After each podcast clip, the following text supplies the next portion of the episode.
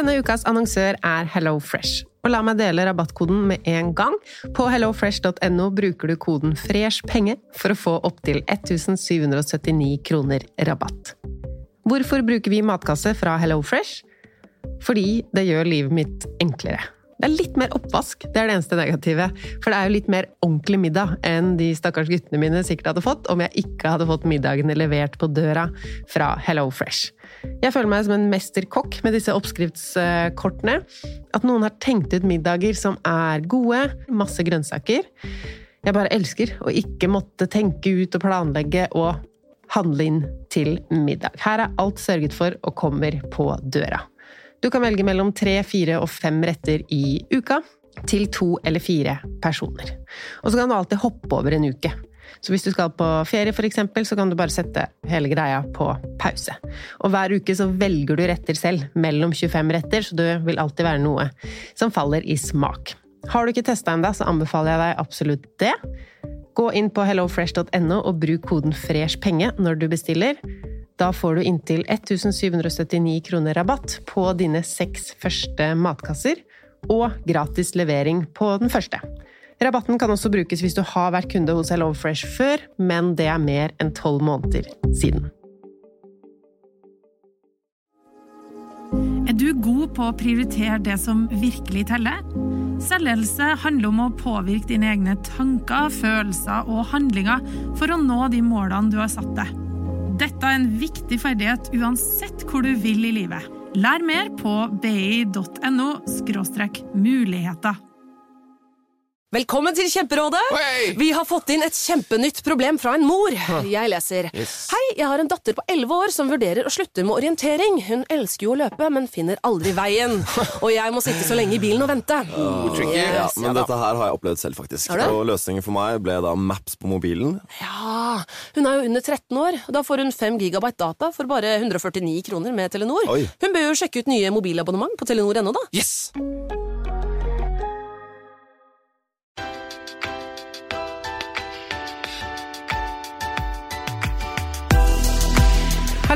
Og velkommen til en ny episode av Pengesnakk podkast. Jeg skal snakke om jul i dag. Julefeiring og julegaver og alt som har med jul å gjøre. Og det er jo litt corny, siden vi er i starten av oktober. Men det aller beste sparetipset når det gjelder jula, det er å begynne tidlig. Så derfor er temaet i dag jul. Men først så skal jeg snakke litt om noe annet. Noe som eh, skjedde med meg i helgen. Og det var at jeg eh, var så dum eller uvitende at jeg klarte å forgifte meg selv og familien min. Så derfor tenkte jeg at jeg skulle fortelle hva jeg gjorde, sånn at dere ikke gjør det samme. Det begynte med at jeg lagde middag, og eh, endte da ganske skummelt. Det jeg gjorde, var at jeg prøvde å lage en matrett som jeg hadde blitt servert før. Skulle liksom lage noe ekstra godt til eh, søndagsmiddagen.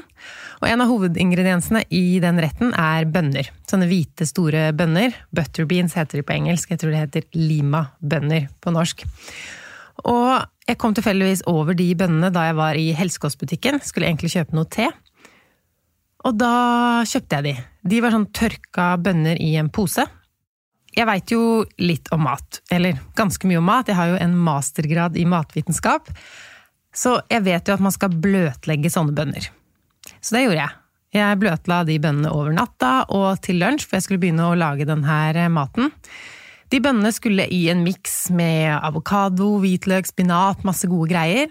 Så jeg miksa det sammen med stavmikser. Det jeg ikke gjorde, var å koke bønnene. For de skulle jo i en kald rett. Men det skulle jeg ha gjort. Det kan hende noe at dette her er noe alle dere vet, altså at bønner må kokes hvis dere kjøper de i sånn tørka form. De som er på boks, er allerede kokt. Så det er trygt. Og vanligvis, altså jeg har jo lagd bønner før òg, men da har det vært i en rett. Altså at man koker det som en del av matlagingen, men her skulle det i en kald rett, så jeg tenkte ikke på å koke dem. Det smakte ikke like, like godt av de ukokte bønnene i den mosen. Heldigvis. For da spiste vi ikke så mye. Og sønnen min, han, han var ikke sulten, så han spiste bare litt av yoghurten, agurken og litt pitabrød som vi hadde til. heldigvis ikke av den grønne mosen, som faktisk forgifta oss. Noen timer etter vi hadde spist disse bønnene, så begynte jeg å kaste opp så mye at eh, mannen min ringte giftinformasjonen. Og det var egentlig litt fordi jeg ble stressa, og jeg tenkte ja, litt oppkast, det er vel noe Leste også på nettet at bønner må kokes, det kan gi symptomer som oppkast. Eh, men når det bare fortsatte og fortsatte, så begynte jeg å bli litt redd. Kunne det være noe farligere enn det? Og så fant jeg ikke så mye info om det.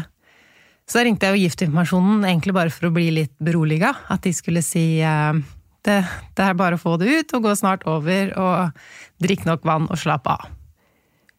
De ba oss reise rett på akuttmottaket. Så det ble en ganske annerledes uh, søndag. Um, sykehuset vi uh, dro til, de hadde ikke vært borti før at noen hadde blitt forgifta av uh, ukokte bønner.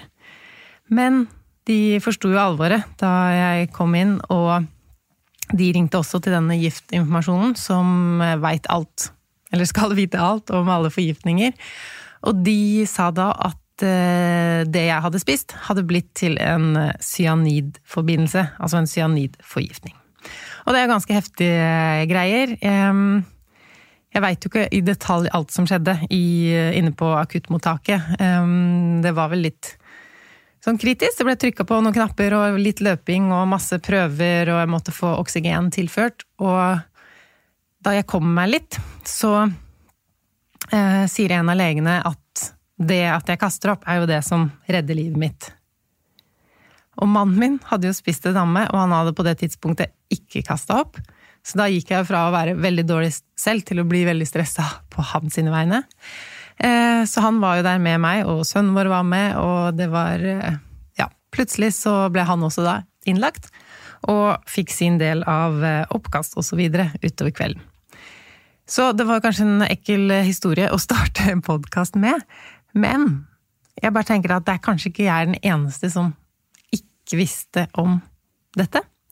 Så hvis dere vil prøve dere med noen Altså spise noen matretter som har kalde bønner i seg, bruk de som dere får kjøpt på boks, som allerede er kokte, eller bløtlegg og kok bønnene lenge. For den her forgiftninga, den vil dere ikke ha. Men over til penger og sparing. Jeg sa jo at jeg skulle snakke om jul i dag.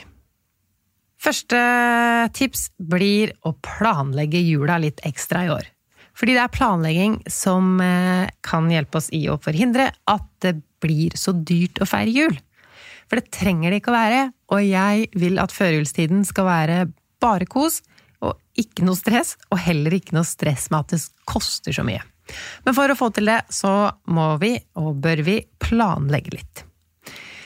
Det aller første er kanskje å planlegge noen ting vekk. Altså at vi ikke trenger å være med på alt, og føle at man skulle vært med på alle julemarkeder og alt som skjer overalt som har med jul å gjøre. Fordi det er mye som skjer.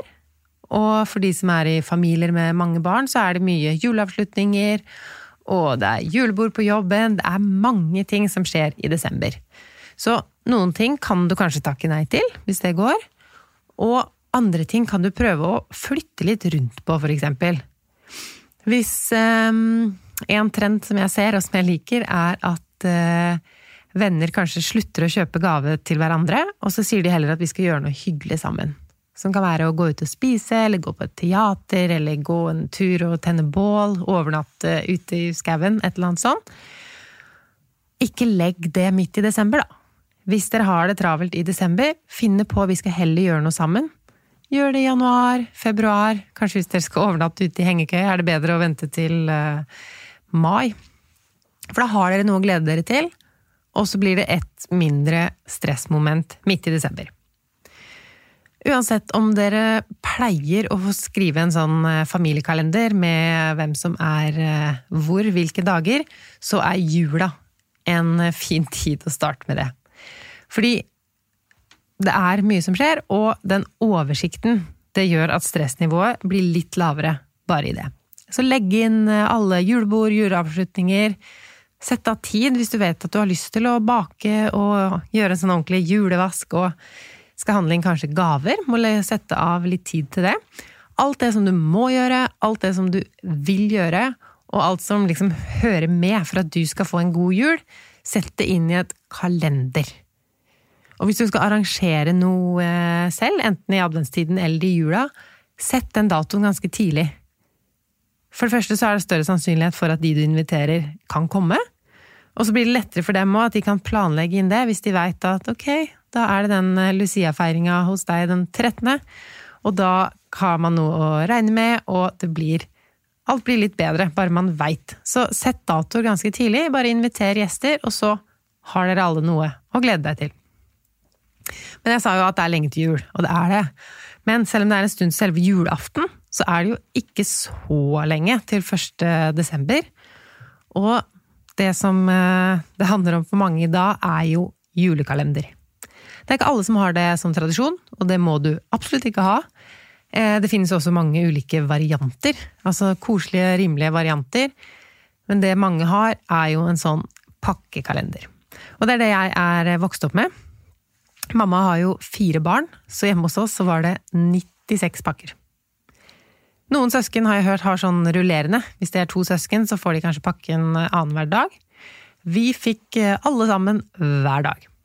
Og den kalenderen er noe jeg og søstrene mine tenker tilbake på som noe veldig stas. Så jeg spurte mamma sånn Var det ikke stress med alle de eh, pakkene? Vet du hva hun svarte? Nei. Hun syntes ikke det var stress. Og det var fordi hun tenkte litt på den kalenderen hele året. Og det er smart. Hun hadde et sted hvor hun la sånn kalenderting som dukket opp i løpet av året. Så det hun gjorde, var å da samle på småting gjennom hele året. Og det kunne være sånn hvis hun var på en konferanse og fikk en nøkkelring eller en kulepenn, om hun fikk utdelt en refleks på gata Altså, det var gavene i vår kalender. Noen av dem, da. Og så pakket hun inn ting som vi trengte. Altså hvis vi trengte nye sokker snart, så pakket hun heller inn en trepakke med sokker, så ble det tre av presangene. Så Altså, hun kjøpte jo noen ting òg. Jeg husker at vi fikk noe sånn Lego som hun hadde delt opp på forskjellige dager. Um, og hver lørdag så pakket hun inn lørdagsgodteriet vårt, så det ble en del av eh, kalenderen. Tannbørste husker jeg vi pleide å få hvert år, og det er jo en sånn ting hun måtte kjøpe til oss uansett, men så fikk vi det i adventskalenderen, og det var fint. Så det var ikke en stor utgift med den fantastiske kalenderen. Husker jeg fikk hårstrikker og syntes det var kjempestas. og at hun samla ting gjennom hele året, og kjøpte da ting hvis det kom desember og ikke alle 96 gavene var i boks. Men både hun og vi husker det som en veldig koselig greie, uten at det blei så veldig dyrt. Det går også an å pakke inn små lapper, hvor man eh, skriver ting man skal gjøre sammen. Enten så kan man gi sånne oppgaver, for eksempel eh, i dag skal du fortelle noen eh, at de er snille, eller at du liker dem, eller noe sånt. Men også ting man kan gjøre. At i dag skal vi ake hvis det er snø i bakken. I dag skal vi bake pepperkakehus. En ting man må passe litt på, da, er hvis man er av den typen som syns at dette desember- og førjulsgreiene er litt stress. Ikke legge inn ekstra ting som bare blir stress. Nå sier jeg stress mange ganger her, men jeg veit at mange syns det er sånn julestress. Og det er det jeg vil hjelpe til med at vi ikke skal ha. At det bare skal være fint. Og da er det dumt um, å kanskje i kalenderen gi liksom i dag skal vi på kino, i dag skal vi Altså veldig mange ting som fører til at alle kveldene deres er opptatt med et eller annet som i utgangspunktet skulle være koselig, men fordi det blir mye, og at det er midt i desember, så kan det bli litt stress allikevel. Så tenk litt på det. Um, en veldig koselig eh, julekalender jeg fikk et år. Det var da jeg bodde i Tyskland som au pair. Og da hadde den familien jeg bodde hos, uh, kjøpt en bok og delt den opp i 24 eh, deler. Og rulla det sammen til sånne små ruller som hang ned fra taket, sånne 24 rør. Med en bok som jeg da skulle lese på tysk, gjennom advent. Så det var også en uh, veldig koselig idé. Og det fins jo noen bøker som er kalenderbøker, som man kan lese et lite kapittel av uh, hver dag. Det fins for voksne, og det fins for barn. Så eh, ja, en ting til når det gjelder sånne julebøker. Vi har noen julebøker hvor det står litt sånn hvordan man eh, lager ting, eller noen nissehistorier og forskjellig sånn. Og de julebøkene har jeg ikke i eh, hylla hele året. De tar jeg vekk og finner fram igjen, sånn at det er litt stas til jul. Og det er også en ting man kan pakke inn i julekalenderen. Her er eh, juleboka fra i fjor og året før der. Det er stas med gjensynsglede, og til de minste barna kan man jo faktisk pakke inn eh, mange ting som de allerede har hjemme. Hvis jeg eh, hmm, Hvis eksempel er en femåring du har hjemme, da, som får pakkekalender, og så har du en toåring som du kanskje i utgangspunktet ikke ville laget en sånn kalender til, men når søsken ser hva søsken får, så vil man jo ha det samme. Og da kunne pakke inn eh, lekebiler og små ting de allerede har. Så syns jo de det er kjempestas. Sånn, skal vi gå litt over til mat, kanskje? Det um, beste sparetipset når det gjelder uh, mat og jul, det er å ikke kjøpe for mye. For jeg tror veldig mange kjøper veldig for mye. Og det handler kanskje om uh, Altså, vi skal jo kose oss i jula, og så er man kanskje fra forskjellige familier hvor det er litt forskjellig hva man syns er kos, og hva som hører til i jula, så vi skal kjøpe alt som hører mine tradisjoner til, og alt som hører Tom sine tradisjoner til. Vi har kanskje våre egne ting vi liker å spise. Og så tenker vi jo at vi skal ha mat for hele jula. Og så glemmer vi litt at mange butikker er åpne. Det er ikke sånn at vi må hamstre inn for 14 dager, og at vi ikke kommer til å se Altså, vi kommer til å gå sultne hvis vi ikke kjøper to handlevogner fulle med mat. Um, I tillegg så er um, Altså, noen dager har man jo gjester, og det kjøper man inn til. Men så glemmer man kanskje de dagene man selv er gjest. Vi er i hvert fall i mange juleselskaper i romjula, og da trenger vi jo ikke ha noe middag hjemme i tillegg. Og så, når man har gjester, så er man jo litt mer enn vanlig redd for å gå tom. Og derfor så har man alltid rester også. Og så er det jo sånn at man ender opp med å bli ganske lei av julemat langt ute i romjula. Så ha heller noe annen mat. Ikke fyll opp med alt mulig julemat og tenk at du må ha alt, fordi noe av det har du allerede smakt på diverse julebord og gjennom eh, desember. Tenk gjennom hvor mange dager du egentlig skal kjøpe inn mat for. Er det så mange dager i det hele tatt? Tenk på hvor mange gjester som kommer, eller hvor mange dere er hjemme. Hvilke dager dere skal bort. Og lag en ordentlig plan for maten denne jula. Og det kan du gjerne gjøre tidlig, fordi eh, det ender gjerne med en liten priskrig før jul på diverse julevarer. Og ribbe, for eksempel, kan man få altfor billig før jul, så da lønner det seg å følge med. Men så må man være litt smart også, fordi det skal jo være et eh, deilig julemåltid man skal spise. Og sånn som surkål De siste åra har jeg sett man kan få surkålpakker helt ned til to kroner og sånn. Og det um, Surkål er jo ikke en ting som i utgangspunktet er så dyrt. Og hvis det er ganske stor forskjell på Det pleier å være sånn smakstester i noen aviser, hvis du søker opp surkål og rødkål og sånne tester så kommer det ut med at det er ganske stor forskjell i kvalitet på de billige og de dyrere variantene. Men selv de dyre er jo ikke spesielt dyre når det gjelder eh, altså julemåltidet. Så tenk litt på det òg. Det er kjedelig å sitte med bare de billigste tingene, kanskje, på julaften. Når det ikke er så mye mer man må betale for noe som har litt høyere kvalitet. En, eh, et sparetips kan jo være å be noen om å ta med noe. Og det er jo et sparetips fordi man eh, slipper å da kjøpe ingrediensene selv.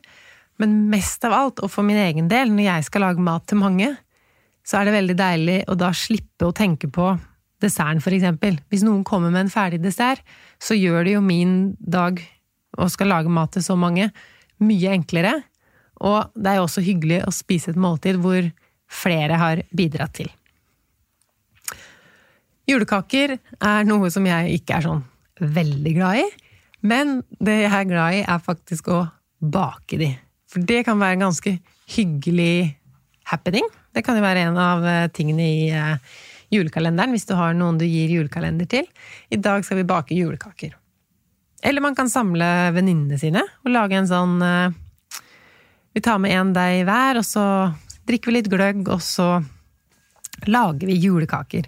Man trenger ikke syv slag, og man trenger heller ikke å kjøpe kaker på butikken. Hvis du syns det er eh, kjedelig å lage julekaker, men du liker å spise de, da kan du kjøpe. Men hvis du ikke er så veldig opptatt av det, eller du elsker å bake de, så er det jo mye bedre å gjøre det selv. Det kan man spare litt penger på, og så kan man få det litt mer eh, julestemning, og det, jeg syns i hvert fall det er veldig stemning i å bake og lage noen julekaker selv. Tenk å planlegge litt for de restene som du veit kommer av eh, julemat. Altså hvis dere spiser en kalkun, det kommer til å være noen rester her, hva skal det brukes til? Se på kalenderen og liksom finne ut hvilke dager du har folk hjemme og som skal spise. Og hvis du skal ha en av mine favorittretter i eh, jula, er faktisk riskrem til dessert. Ehm, og da lønner det seg jo å planlegge inn et grøtmåltid dagen før. Hvor du kan lage ekstra mye grøt, og så lager du riskrem av restene. Det går også an å kjøpe dette ferdig. Jeg tenker at hvis du har økonomi til det, så kjøp deg vekk fra noen av de tinga du ikke syns er koselig. Hvis du ikke syns det er koselig å bake julekaker, så kjøper du heller det ferdig, hvis du i det hele tatt trenger det. Hvis du øh, syns det er koselig å drive og lage ting selv, gjør for all del det. Nå kommer jo julepynt på 50% og 70% allerede før jul. Så det skal jeg benytte meg av hvis jeg finner ut at jeg trenger eller har lyst på Trenger pynt gjør man ikke, men har lyst på noe mer julepynt i huset, så skal jeg vente til jeg kan få noe litt rimeligere. Og så klær. Um, jeg hører ofte at uh, hvis noen skal på julebord eller noe sånn juleselskap, at de syns ikke de har noe å ha på seg, og trenger noe nytt. Og det kan godt hende du gjør det, men da er det også fint at du finner ut det nå, i oktober en gang. Fordi da har du muligheten til å planlegge litt. Du har muligheten til å virkelig se gjennom klærne dine, og er det virkelig ingenting her jeg kan gå med? Og kanskje hvis du har et fint antrekk til jul, så vil du ikke bruke det i alle selskapene hvis du er på mye selskapeligheter med de samme folka. Men det går kanskje fint å ha på samme kjole på julebord med jobben som en annen eh, festlig anledning i jula. Så planlegg litt og se hva du har hjemme først. Eh, jeg tror mange blir overrasket når de faktisk går gjennom og ser hva vi har av klær, og så finner vi ut at å, jeg kan jo bruke den. Istedenfor den første innskytelsen som kommer hvis man blir invitert på noe, at å, hva skal jeg ha på meg? Jeg trenger noe nytt. Men hvis du trenger noe nytt, da, og finner ut det nå allerede i oktober, så har du jo litt tid på deg til å kikke litt og finne ut, se kanskje i noen bruktbutikker. Det er ganske mye pyntetøy der, eh, faktisk. Og det er jo litt mer tidløse ting, kanskje, enn uh, hverdagsklær. Jeg vet ikke. Det er i hvert fall mye penklær i uh, bruktbutikkene, så det er et tips å sjekke der. Da kan du få fint tøy til mye billigere enn i eh, andre butikker. Og i tillegg så er det jo mye mer bærekraftig å kjøpe noe som ikke har blitt produsert for deg, men har allerede blitt brukt av noen andre. Så er det gavene. Det er jo kanskje det som, eh, kanskje i tillegg til maten, som mange er litt eh, bekymra for, og føler at det går veldig mye penger på gaver. Og jeg får ganske ofte spørsmål fra dere på e-post og sånn òg, at hva, hvordan tenker du egentlig om gaver? Det er dyrt med gaver. Da er jeg alltid litt i tvil for hva jeg skal svare, fordi um, jeg bruker jo veldig lite penger sånn ellers. Og det gjør jo at jeg har muligheten til å være raus. Så gaver er um, Det er ikke det første jeg sparer inn på. Men det betyr jo ikke at det ikke går an å tenke litt smart rundt dette med gaver. Og det første, og kanskje beste tipset, er, som med de andre tingene, det handler om å være tidlig ute. Og det er lurt å planlegge det.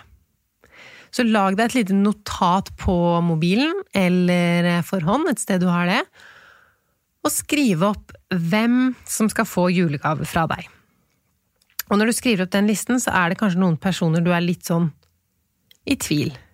At kanskje det er noen du har en, laget en tradisjon med at dere alltid gir hverandre gaver, men så føler du at det kanskje ikke er nødvendig lenger. Du stresser med å finne den gaven, og dere er kanskje ikke så mye sammen lenger, eller at, ja, at det rett og slett er unødvendig, da, og med de gavene. Og hvis man skal planlegge med noen, og ikke lenger gi hverandre julegaver, så kan ikke du komme med det spørsmålet 18. desember. Da må du ta det opp det allerede kanskje 1. november, da.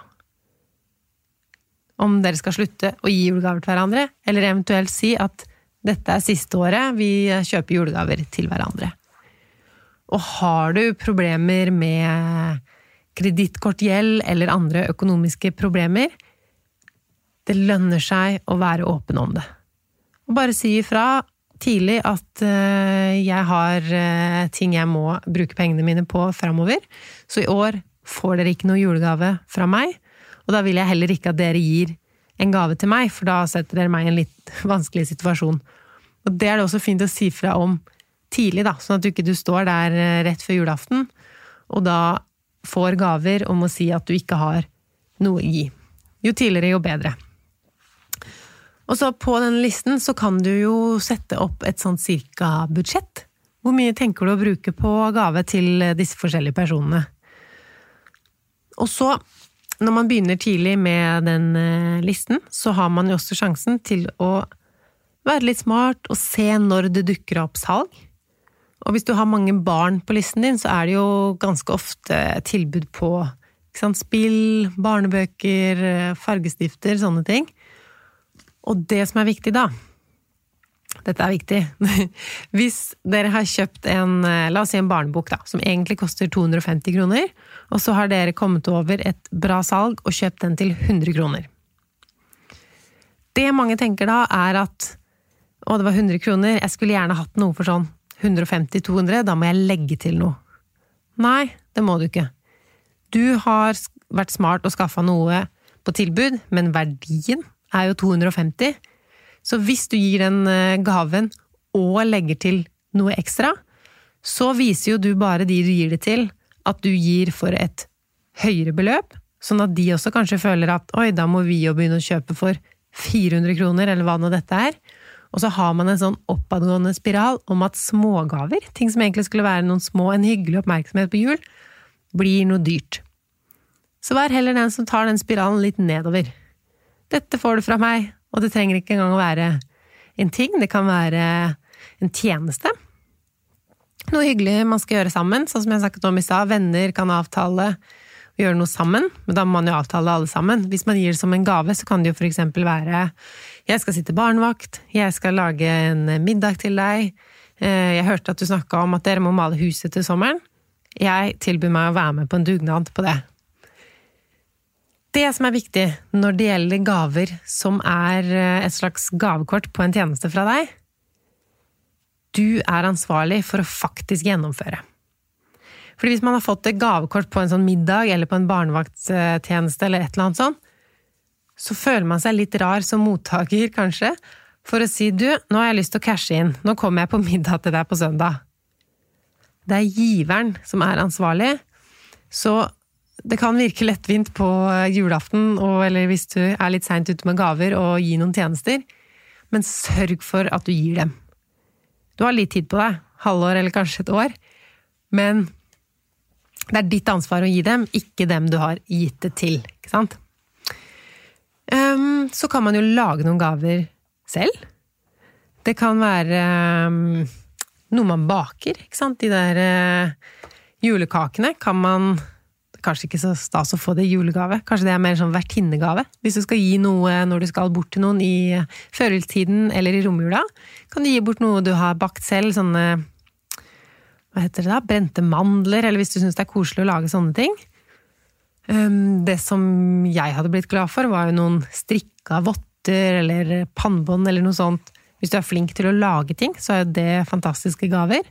Og nå som eh, jeg får deg til å tenke på det allerede i oktober, så har du faktisk tid til å lage noe til noen du er glad i også. Så kan man lage sånne badebomber og såper, og det er mange ting man kan lage. Hvis du er av typen som syns det er hyggelig, og det blir ofte rimeligere enn noe man kjøper. Jeg har laget meg en sånn regel nå for noen år siden at jeg har ikke lyst til å gi bort en gave som er søppel om et år eller to. Ikke sant? Jeg vil at noe skal være noe som varer, noe som eh, de kan spise opp, eller noe som er en opplevelse. Og en veldig god eh, retningslinje å få Altså, jeg vil jo gi en gave som mottakeren eh, liker og er fornøyd med, og da kan man spørre Hva ønsker du deg til jul?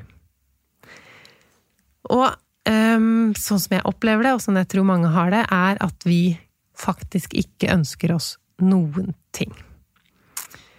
Og derfor vil jeg råde deg å skrive opp ikke bare den lista på ideer hva du skal kjøpe til andre, men skriv også opp en liste for hva du ønsker deg. Og begynn med det nå, hvis du tenker å, den nattkremen min er snart tom, kanskje jeg skal ønske meg en ny til jul, istedenfor å gå og kjøpe meg det nå. Å, det hadde vært fint med noe Altså, du kommer opp kanskje med mange ideer. Spar det ønsket til jul, og så har du det når noen spør deg hva du ønsker deg. Og hvis du er litt observant på andre òg nå, hvis du er eh, på tur med noen eller snakker med noen, og så kanskje de nevner noe de har lyst på, eller du har noe som de ønsker seg, så kan du også notere det i det notatet du har med hva du skal gi julegave til eh, mor og far og eh, barna dine og søsken og venner og alle de som står på den listen din. Og som sagt, det går an å kutte ut noen, men um, jeg syns jo det å ha venner og familie er hyggelig. Jeg har lyst til å gi dem gaver. Det er, en, det er liksom en måte å vise folk at man er eh, glad i dem på. Og hvis man i tillegg er observant nå i tiden fram mot jul, og prøver å finne ut noe som de kan bli litt ekstra glad for, så syns jeg det er stas. Og så liker jeg å pakke inn gavene litt fint. Det kan være et sparetips å eh, få pakkene pakket inn der du kjøper dem. Så det gjør jeg jo av og til, altså. Hvis eh, Da slipper jeg å bruke tid på det, og slipper å kjøpe papir og alt. De pakker det inn i butikken. Men så er det litt koselig å ha en kveld òg, hvor man sitter og pakker inn disse gavene med omtanke. Og det du kan gjøre nå til jul, da Her kommer et uh, tips, altså et miljø- og økonomisk uh, sparetips, og som gjør det litt ekstra koselig neste år, er at du nå på julaften kan ta vare på noe Altså noe av det papiret som du får i noen gaver. Du kan ta vare på noen sløyfer eller esker eller et eller annet sånn fin innpakning. Ta vare på noe av det, og så bruker du det på dine gaver til neste år. Så for å oppsummere alle disse juletipsene, da, så handler det jo i stor grad om å planlegge. Å være litt i forkant. Planlegg hva du skal gjøre i eh, desember. Planlegg kanskje allerede i november om du trenger noen nye antrekk, eller om du har eh, klær til å ha på julaften. Planlegg eh, hvem som skal få gaver fra deg, og snakk sammen hvis det er noen du er i tvil, eller om du lurer på om dere kanskje kan kutte ut i gavene, eller om dere heller skal gjøre noe hyggelig sammen. Ta den praten tidlig, altså før de har rukket å kjøpe noe til deg, for da blir det litt for sent å ta det opp. Maten. Planlegg hvilke dager dere skal eh, ha selskap hos dere, eller du skal bort, eller hvor mye dere egentlig trenger å kjøpe inn av alt mulig kos og julemat. Jula er kanskje ikke så lang som vi husker den fra vi var små, og man blir litt lei av julemat etter hvert. Så ikke kjøp inn masse, masse greier som du ender med å kaste. Skal du skrive julekort, ha julevasking Altså planlegge inn alt sammen tidlig, så du veit at du har tid og rom og overskudd til å faktisk nyte alle de koselige tingene som skjer i adventstiden og i jula. Kjøp gaver eh, litt sånn underveis. Eller kanskje ikke nødvendigvis kjøp, men ha denne listen. Skriv opp hva du tenker du kan gi til de forskjellige. Kanskje et cirka beløp, så du har laget deg selv noen retningslinjer. Hvis du kjøper noen gaver i oktober, noen i november og noen i starten av desember, så har du jo også spredt litt eh, det gavebudsjettet ut over flere måneder, sånn at desember ikke blir en veldig, veldig dyr måned for deg. Så handler det om julepynt. Trenger du noe ny julepynt, eller vil ha det, kjøp det når de er nedsatt. Hvis du ikke setter veldig stor pris på det og har lyst på noe, så skal ikke jeg nekte noen å kjøpe julepynt, altså. Er det noen gaver du kan lage selv? Start tidlig, eh, så kan du planlegge inn det. Husk å ha noen ønsker selv. Hvis du eh, ønsker deg noe som er eh, litt sånn luksus, eller kanskje ganske dagligdags òg. Det er fint for de som skal gi deg gaver, om du faktisk har et julegaveønske. Så pass på å ønske deg litt i ulike prisklasser, da. Vi vil jo ikke at noen skal føle seg forplikta til å kjøpe noe dyrt til oss. Da er det bedre å heller ønske seg noe litt rimeligere, for å da sette lista lavere, sånn at du også kan komme unna med noe som ikke er så altfor dyrt. Fordi julegaver skal jo være noe hyggelig og noe som vi har lyst til å gi, men hvis det blir veldig mange veldig dyre, så kan det bli en bekymring. Og sånn skal det ikke være. Så eh, ja, litt tidlig å si god jul.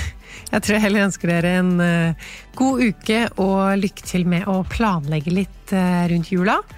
Pass på å ikke spise noen rå bønner med det første, eller noen gang. Så slipper dere å bli forgiftet sånn som jeg ble. Ha det fint!